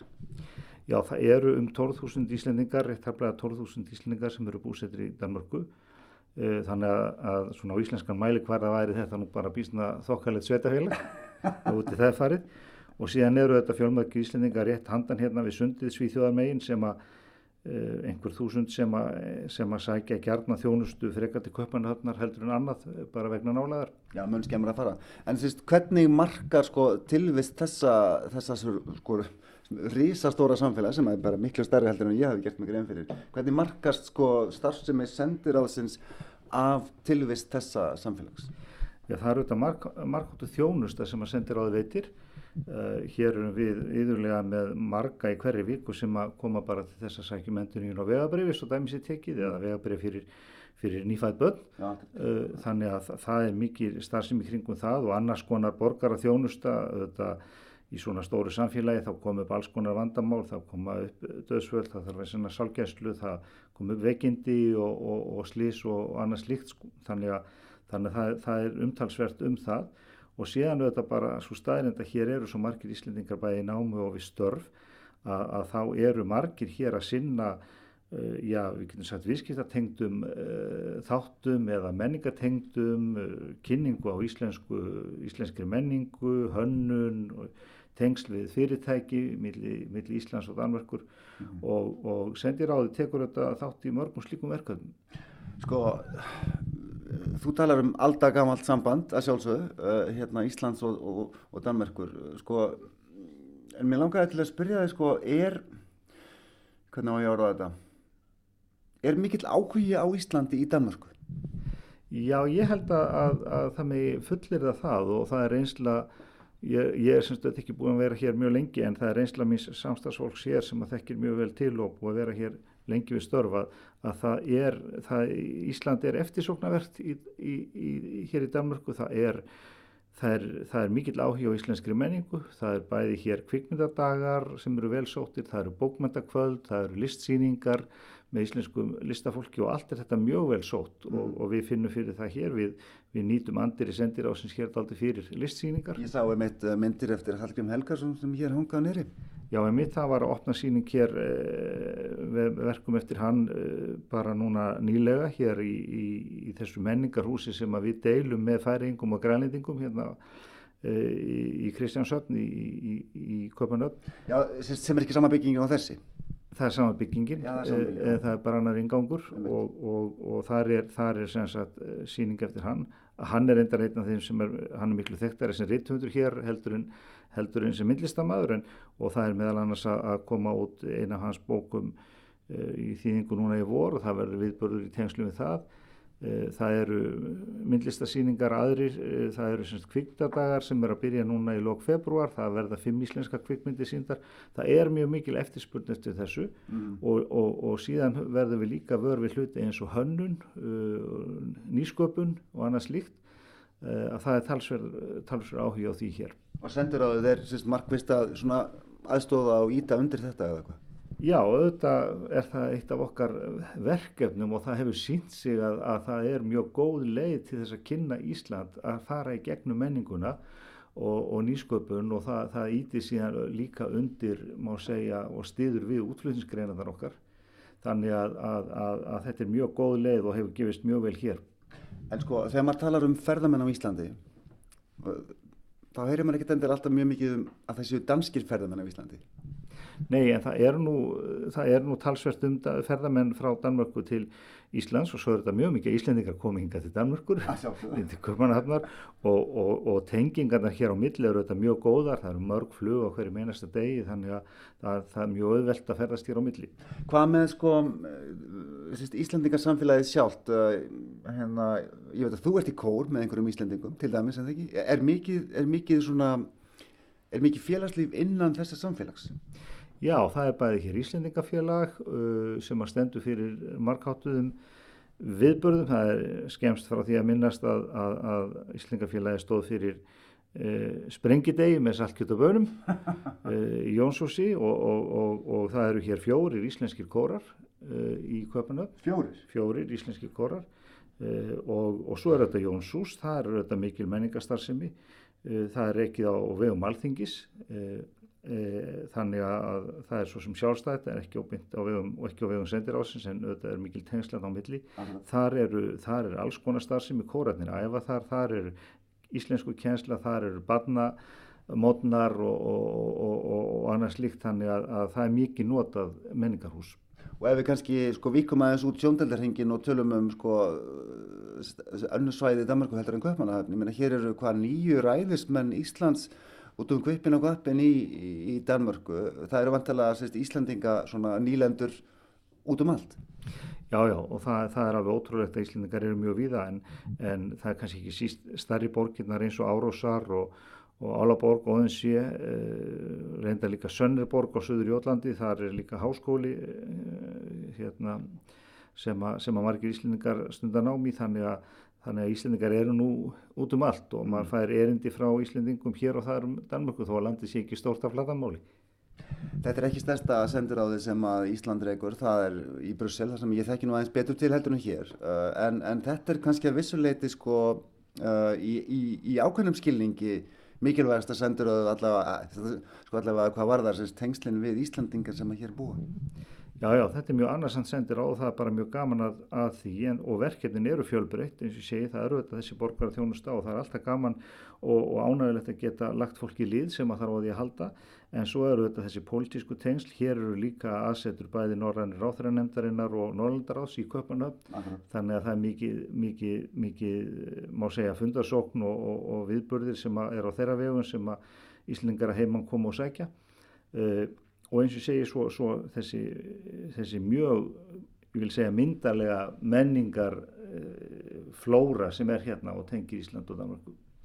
Átni Þór, takk að kjallaði fyrir spjallið. Uh, þetta var sem sagt sendið hér að Íslands í, í Danmarku, uh, Björn og, og Þórun og, og hérna gaman að heyra einmitt af, og ég verðum bara viðkjannu það sjálfur, ég bara hafi ekki gert mig grein fyrir því hversu gríðalega margir Íslandikar búa ekki bara í köpen heldur annar staðar í Danmarku.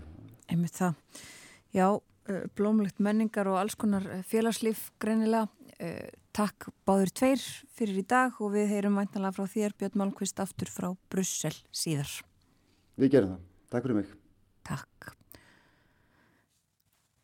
Þetta var Björn Málkvist sem að eins og hann nefndi rætti við sendi herra Íslands í Danmörku, Átnáþór Sigursson sem að hefur verið þar um nokkur skeið var áður í Moskvu þanga til að sendiráði Íslands þar var lokað kjölfar einrásar rúsa í Úkrænu og þeir fóru yfir ímislegt sem að eh, er gert í sendiráði Íslands í Kaupmannahöfn. En áður rættum við ímis önnur mál sem tengjast Danmörku og Evrópu. Björn Málkvist segir okkur yðurlega frettir frá Evrópusambandinu og Evrópu.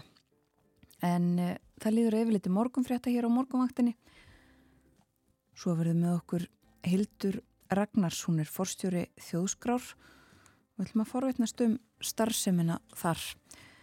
Stopnunin, eh, við höfum líklega flest hugmyndur um það hvað hún gerir og fáum stundum fréttir þaðan en uh, við ætlum að heyra aðeins nánar og meira af þessari starfsemi.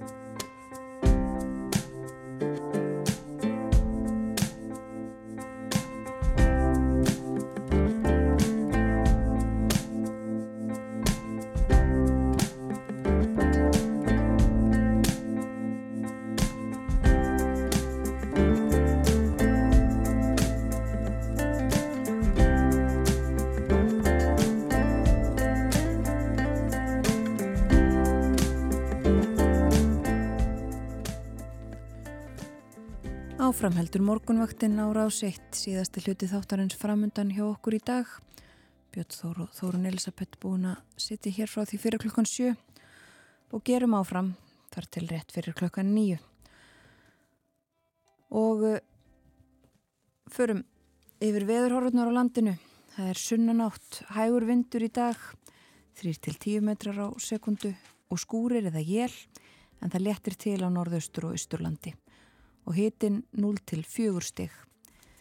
Næsta lægð er væntanleg í kvöld og í nótt og þá hversir af austri með úrkomu fyrst siðst á landinu. Og morgun verður austlega eða breytileg 8, 8 til 15 metrar á sekundu, regning eða slitta með köplum og snjókoma inn til landsins. Hitin verður í kringum frostmark á morgun en alltaf 5 steg að hiti við söður og austurströndina og það lægir aftur annað kvöld. Og það er kannski rétt að geta þess líka fyrir eh, fólk sem ekki er farið af stað að það eru hálkublettir á flestum leiðum á höfuborgarsvæðinu og uh, hálkublettir eða hálka á flestum eða mörgum leiðum annar staðar á landinu. Og uh, það á við í öllum landslutum borgar sig að fara varlega hvernig sem farið er af stað út í daginn. Og hér næstu mínútur ætlum að fjalla svolítið um þjóðskrá en uh, þjóðskrá er ein af stopnunum ársins 2023. Það er Samiki, stjættafélagi í almannaþjónustu sem stendur fyrir valinu á stopnun ársins.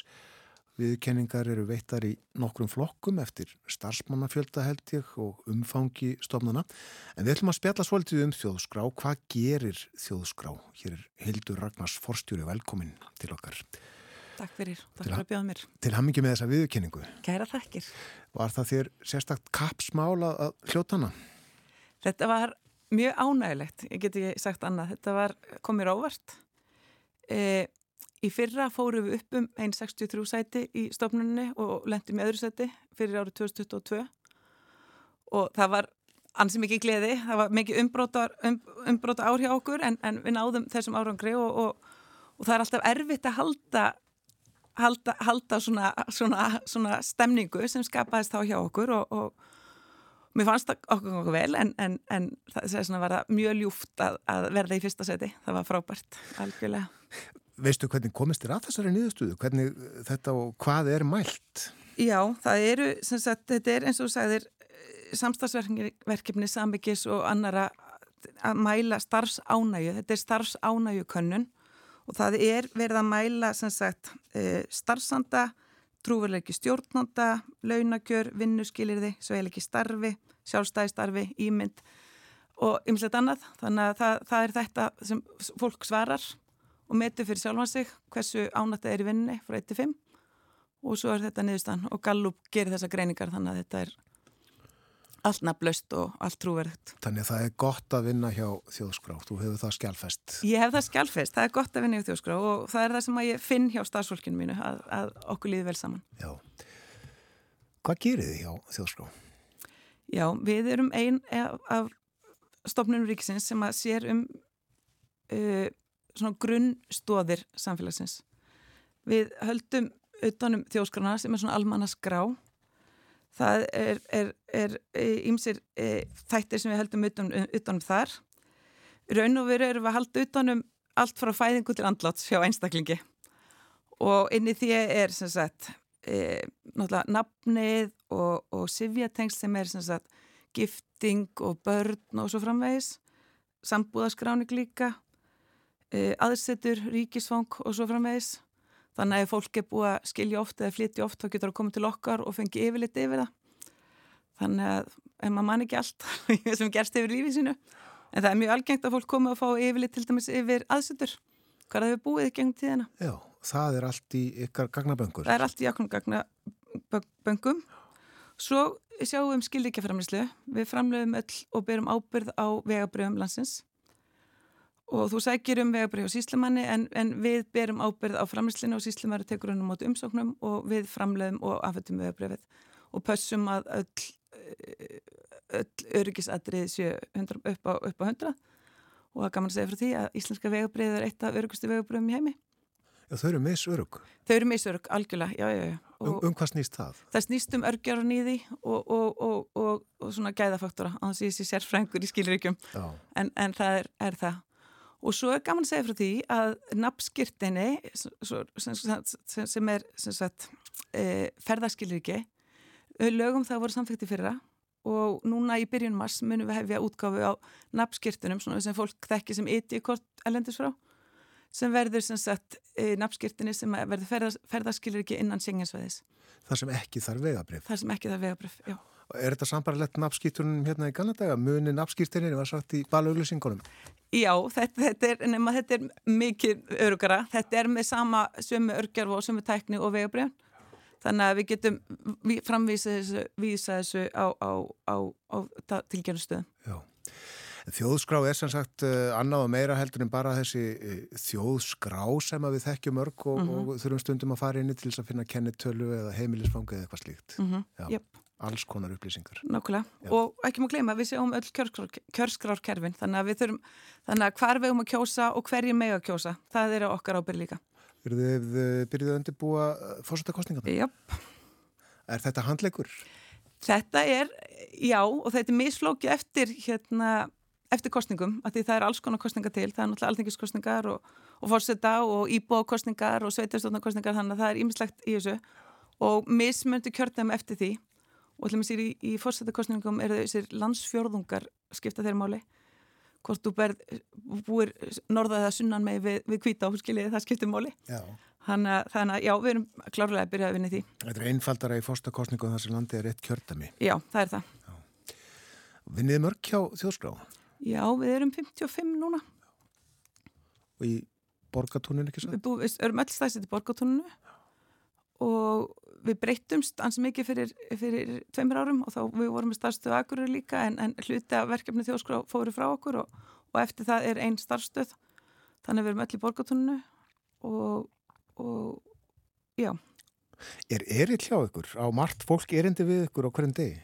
Já, við erum með afgriðslu og það er ansið margt fólk sem kemur til okkar á dag bæði þarf fólk að sækja en þá að sækja skil ekki til okkar en einst líka þurfa erlendi ríkisborgarar að koma að gera grein fyrir sér og íslenski ríkisborgarar þegar flytja aftur til landsins og þá er það lögumsangvæmt þurfa að koma til okkar og gera grein fyrir sér hjá okkur. Gerir fólk það alltaf? Já, þegar að flytja til landsins, já. En síður eða flyttur í burtu? Já, það er minni kvartning til að láta vita að maður sé að flytja af landi brott. Og það eh, skapar smá vandamál? Það er kannski ekki vandamál, en já, tölur okkar segja, segja hversu margir hafa lögumil á Íslandi en, en, en segja ekki hversu margir eru búsettur í Íslandi. Hvað hafa margir lögheimil á Íslandi? E, það er núna yfir 400.000 mann sem eru með lögheimil á Íslandi. E, í gerð voru að 400.110 en þetta er lifandi tala. Fólk flytur mikið til landsins og frá landsins þannig að það er stanslust, þessi tala breytir stanslust. Og uh, hún stangast á við tölur hagstofunar sem að segir að hér búið 387.000 rúmlega. Það er reyndar við að miða við 1. janúar. Já. Á, á síðasta ári sé ég nú. Á síðasta ári, já. Hagstofan sér um svo kallar manntal og það er, það er er hversu margir búa landinu.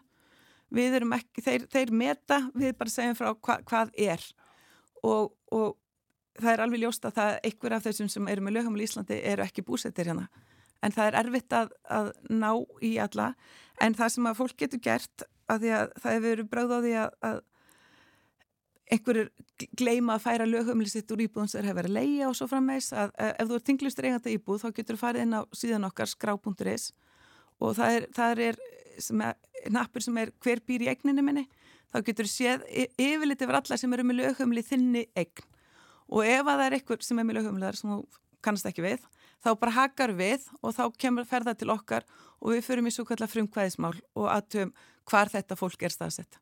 Er mikið um það að fólk hafi samband út af þessu? Já, það er það. Það er það. Og ekkert er... mála að kipa því þá í liðin? Að... Nei, nei þá, við þurfum að við þurfum að fylgja lögum, allt sem við gerum þurfum að fylgja lögum og reglum og við þurfum að hafa samband við þess að við komum til einstaklinga en, en við gerum það og, og komumst á nýstu en, en eðlega fólk getur ekki sínt fram á það og heim í ykkur íbúð þá er það ekki skráðið þá íbúð. Nei, akkurat. Já, uh, tölur eru þínar ær og kýr, mm -hmm. má segja. Og þú sagðir hvað, 400... Uh, 400.110 í gær. Og nú að komið upp í 130 Já, emitt, það er þá það sem að flyttu til landsins í gær. Já, 20 manns. 20 manns. Já, það er góður hópur. Já. og hér búa fleiri karlar en konur. Já. og uh, ég að meðalaldur uh, landsmanna er rétt rúm 38 ár. Já, og stærsti hópurinn er þeir sem eru 30-34 ára. Það er stærsti aldurshópurinn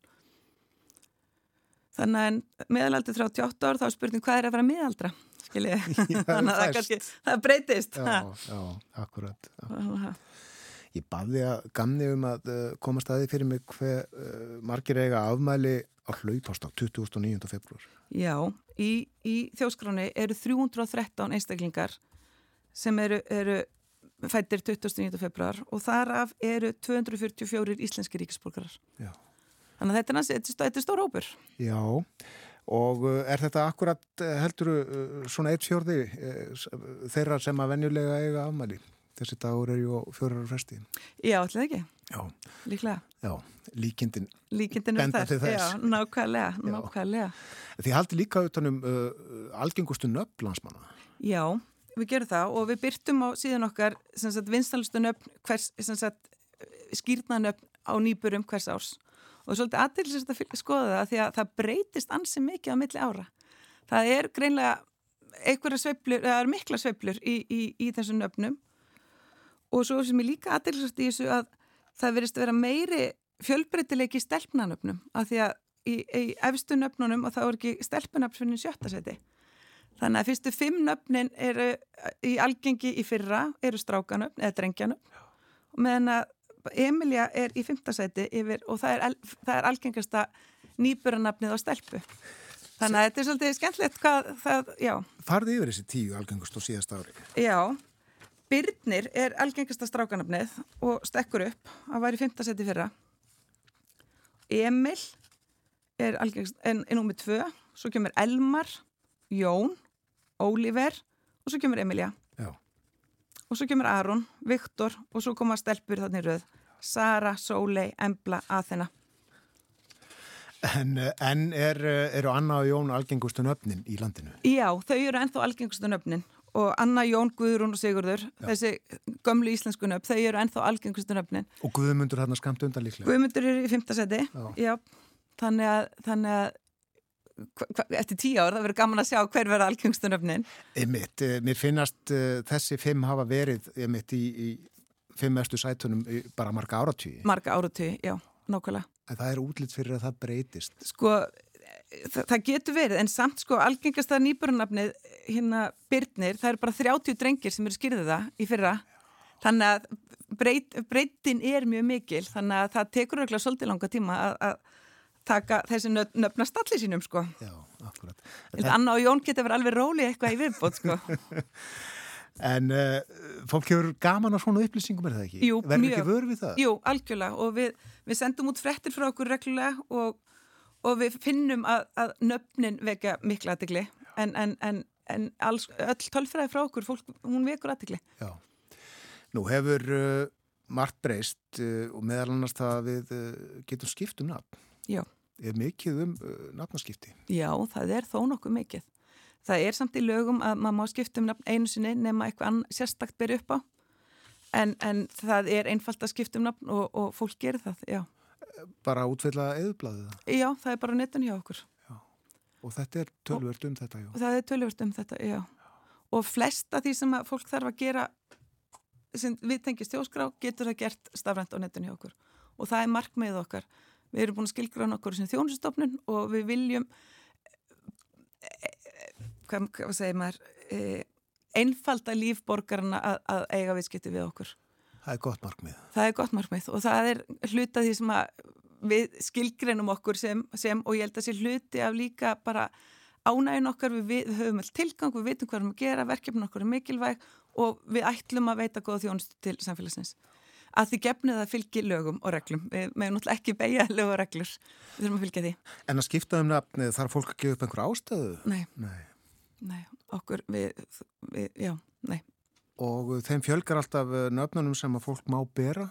Já, já. Þið þurfum að gæta því? Við þurfum að gæta því og við erum með mikla sérfræðinga í mannanöfnum hjá okkur en, en það er náttúrulega mannanöfna nefnd sem ákveður hvað það nöfn má nota en, en sérfræðingarnir okkar eru mjög flinkir í þessu, hvað má og hvað má ekki. Við sjáum reglulega fréttir frá uh, þessari nefnd sem að uh, úrskurðar og, og, og fjallar um nokkur í senn en, en þessur haldi vel til haga í einhverju skrá, nafnaskrá eða hvað? Já, já. Og hana má finna einhver starf á, á internetinu? Já. Ekki, ekki á ykkur kannski? Eða? Ekki okkar, ekki, ekki okkar vegum, en já. Er, erum við ennþá bundin að fjölda nafna eða, eða stafa fjölda? Við, erum bundin að fjölda nafna en ekki stafa fjölda. Nei.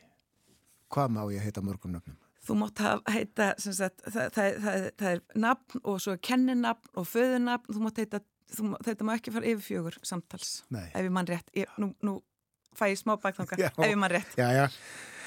Það er talað... Ég er ekki sérfræðingurinn í mannunöfnun hjá okkur. Nei, við erum að tala án ábyrðar hérna. Já, einmitt, takk.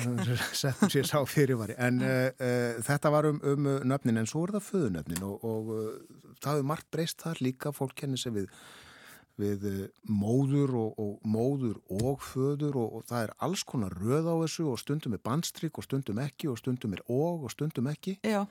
Það hefur margt breyst þessu, í þessu bara á, á örfáum árum. Já, já, algjörlega, algjörlega. Og er, er enga reglur um þetta, veistu það? Uh, Aftur án ábyrðar. Nei, en þetta, en þetta tengist sagt kenninafni og, og, sagt sem við köllum í gamla daga föðunafn sem heitir eitthvað annað í dag sem ég man ekki Einmitt. þannig að þetta tengist því, þú getur ekki verið með endalisa röðu af, af, af föðunöfn eins og ég held með Ragnars, ég held ég með ekki verið Hildur Ragnars, Emilju og Karlsdóttir. Þa, þá er ég komin of langt skilji, held ég. Heldur. Er, það er mjög slæmt að fórstur í þjóskóra sem ég segja eitthvað hér í, sem hún er ekki 100% vissum Já ég... en, en svo er sagt, kynsegin fólk hefur réttilega að segja ekki dóttur og svon þannig að það má annarkvort vera sagt, taka endinguna af eða kalla sér bur. Eins og ég get hérna, annarkvort Karls eða Karls bur í staðin fyrir dóttir eða, eða, eða svon Veistu, hafa margir tekið upp bur? Já, já, það eru einhverjir, já. Ég sé á, á fásveinu í hafa ykkur, það eru rétt rúmlega 207.000 kallar í landinu, 190 og 2.000 konur og 172 kynsegin, skráð kynsegin. Já, já. já. Og býstu við að þeim fjölki sem skráð sig kynsegin? Ég veit það bara ekki. Nei. Ég gerum ráð fyrir að þegar, þessi lögtóku gildi þá, þá, þá skráður einhver hópið sér strax. Þannig að ég ger ráð fyrir að það sem er uppsafnað er komið en svo náttúrulega er alltaf einhver sem skilgjast ekki eins og einhverja ári þannig að það Og ekki ykkar hlutur svo sem hjá þjóðskrá að spá fyrir hlutinu. Alls ekki. Haldið tönum. Alls ekki, nákvæmlega og við bara gerum öllum auðvelt að, að skrá sér það sem þeir vilja vera skráðir. Já, En alls konar fróðleikur sem sagt á uh, vefsíðu þjóðskrár skrá.is eða skra.is mm -hmm. uh, á gaman að fá því yngað í, í svolítið spjallum ykkar starfsemi hvað þið eruð að gera þarna takkaði fyrir komuna Kæra það ekki fyrir mig Hildur Ragnars er fórstjóri þjóðskrár. Tilefnið þessa spjalls uh, þjóðskrá er meðal stopnana ársins 2023 og hvað fyrst í því? Jú, uh, fólkinu líður vel í vinnunni. Dimma rósir.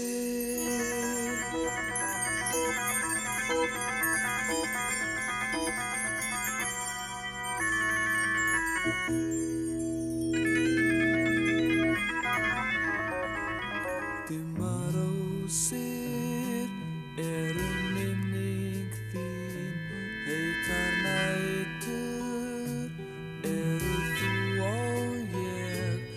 bjartir dagar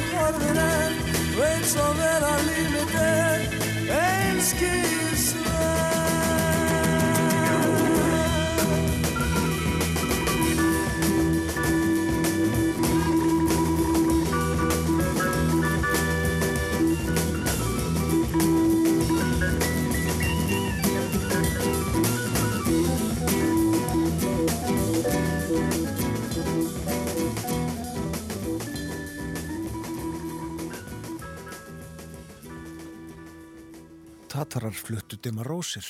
Áðan var Hildur Ragnars forstjóri þjóðskrár hjá okkur og við spjöldluðum um ímislektir varðar þjóðskrá þá tölfræði sem að stofninu svo heldur utanum. Aðeins meira um tölfræði en uh, í dag hafa 136.000 fæðist í heiminum og uh, 62.000 tæplega látist og uh, munurinn er 74.000. Það fjölgað á jörðinu um 74.000 í dag. Já, alls konar tölfræði hægt að finna. Það er eh, innmitt eh, inn á vef þjóðskrar Hildur nefndi það að fjölmennasti hópurinn hér á landi er fólk á aldrinum 30 til 34 ára það hægt að sjá þetta alveg eftir aldurspilum og alls konar upplýsingar og tölur inn á vef þjóðskrar Það er sérst þá meða við þessa 400.130 sem eru skráðir hér á landi eh, frá með deginum í dag. Já. Og Byrnir, algengasta nafnið sem gefið var á síðast ári, svo kom Emil og Elmar, Jón, Ólífer. Aron, Emilía, Eimar rétt. Og samt bara 30 börn sem fengu nafnið Byrnir, 30 drengir, uh, sáum ekki fréttir í gær held ég af því að það hefur um það byrjum 4300 börn fæðist á landinu, þannig að það er greinilega mikil fjölbreytni í nafnavalinu. Það er greinilegt. En uh, klukkan er alveg að verða nýju og komið að lokum morgumvaktarinnar í dag.